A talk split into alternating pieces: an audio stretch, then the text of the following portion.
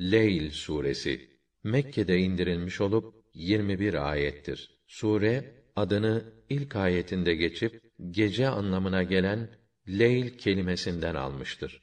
Rahman ve Rahim olan Allah'ın adıyla. Karanlığı ile ortalığı bürüdüğü zaman gece hakkı için, açılıp parladığı zaman gündüz, erkeği de dişiyi de yaratan kudret hakkı için ki sizin işleriniz çeşit çeşittir. Malını Allah yolunda harcayıp ona saygı duyarak haramdan sakınan o en güzel kelimeyi, kelime-i tevhidi tasdik eden kimseyi biz de en kolay yola muvaffak ederiz. Cimri davranan, bir de kendini güçlü sanıp Allah'tan müstagni gören o en güzel kelimeyi, kelime-i tevhidi yalan sayanı ise en güç yola sardırırız. O aşağıya doğru yuvarlanırken malı kendisine hiç fayda etmez. Doğru yolu göstermek elbette bizim işimizdir.